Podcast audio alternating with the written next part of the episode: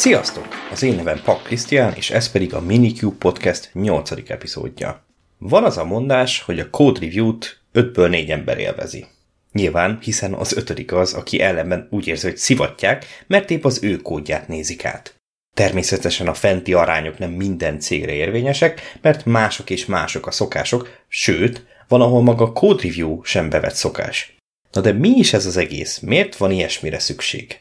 Code review során az érintettek, akik általában a csapatból vagy az alkalmazást magukénak valók közül kerülnek ki, vadul nekiesnek a beküldött pull requestnek. Ez a pull request a verzió követőben lehet külön branch, fork, akármi. Itt sokan sokféle dolgok után kutatnak, jó vagy éppen rossz példákat követve. A célja az egésznek az lenne, hogy mások is lássák a kódot, megértsék azt, ha pedig kifogásolni valót találnak benne, akkor azt jelezzék az illetőnek.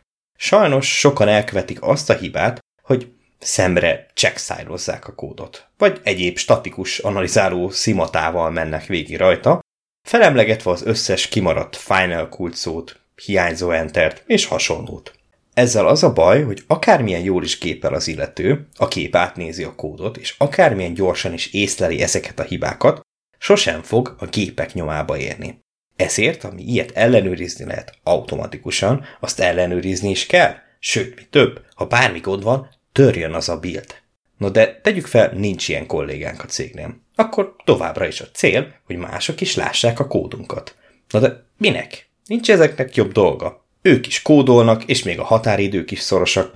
Nyomjatok már rá az apró gobra, és vehessen fel a következő taskot, nem igaz?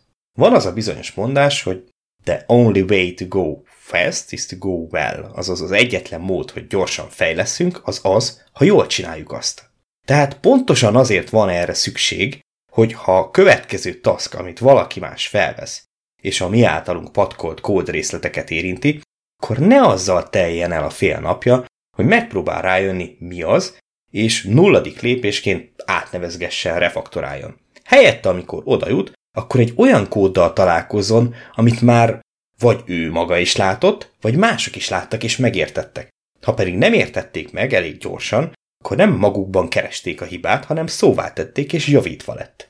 A mostani csapatomban már megállapítottuk, hogy én vagyok a rossz zsaru, a másik budapesti backend fejlesztő pedig a jó zsaru, ugyanis én vagyok az, aki köti az ebet a karóhoz, és sokkal szigorúbb, ha bármi nem tetszik a kódban, míg ő hamarabb belengedi a dolgokat.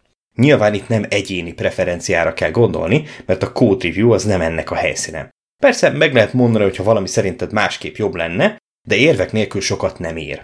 Az egyik leggyakoribb érv, amivel védekeznek az esetleges kommentjeimmel szemben, az a de hát a kódban máshol is így van. Persze, mert akkor, amikor az készült, még nem voltam itt, hogy megcsináljam, és azóta se jutottam el oda. Nyilván nem ezt fogom válaszolni, meg rövid is az adás, hogy belekezdjek a monológomba, de maradjunk csak az úgynevezett Boy Scout-rónál. A cserkészeknél volt egy ilyen szabály, hogy a portát mindig jobb állapotban hagyd, mint ahogy érkeztél. Ez igaz a kódra is. Lehet, hogy aki előtted beletúrt szemét módon nem javította ki azt az elírást, nem emelte ki azt a 8 másolt kódrészletet egy helyre, viszont ha te ránézel, érzed, hogy az ott nincs jól. Így ha tele is van a kód ilyenekkel, akkor se fogd arra, hogy máshol is úgy van. Az esetek többségében hamarabb kijavítasz dolgokat, mint sem végeznél a komment háborúval a review során. Energiát spóroltál vele, és még jobb is lett a kód. Win-win. Sajnos igen tipikus hiba, hogy hatalmas pull requesteket gyártunk, amit még komitok mentén sincsenek szétválogatva. Na ilyenkor szokták gyorsan rávágni, hogy hibátlan, approved. Nyilván nem az, de akkora munka lenne végigmenni rajta, hogy senki nem akarja venni a fáradtságot. A legszörnyűbb kódok is így kerültek be hozzánk. A hatalmas csomagolás mélyén ott lapultak azok, amik felett elsiklottunk. Persze, ahogy a szoftverfejlesztésben és az életben úgy általában, itt sincs szent grál. Tehát el lehetünk ilyesmi nélkül. Az is teljesen jól működhet, hogyha a csapatban nincs dedikált review, de cserébe párokban dolgozunk. Emiatt végig lesz egy második szem, aki már az elején tud szólni, ha valami a kódban csak nekünk tiszta, de neki nem az, és valószínűleg másnak sem lesz az. Ahogy a bugokat is minél hamarabb fogjuk meg, annál kisebb lesz a kár, úgy igaz ez a kódban talált érthetetlen részekre is. Ha már az írás során felfedezzük ezeket, akkor nem kell több review körön átverni, nem kell x alkalommal újra bildelni a szerveren, saját gépen, és hamarabb bejut oda, hogy tesztelhető legyen. A lényeg, a kódot továbbra sem gépeknek, hanem embereknek írjuk.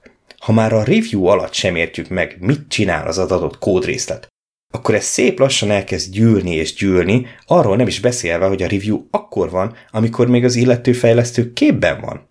Emiatt sokkal gyorsabban tud intézkedni, mint az, aki x hónap múlva oda megy a kódhoz, és csak pistok, hogy mi is történik. Lehet ez a valaki pont mi leszünk x hónap múlva, és pontosan ugyanannyira lesz számunkra is kaotikus, mint a review többi szereplőjének.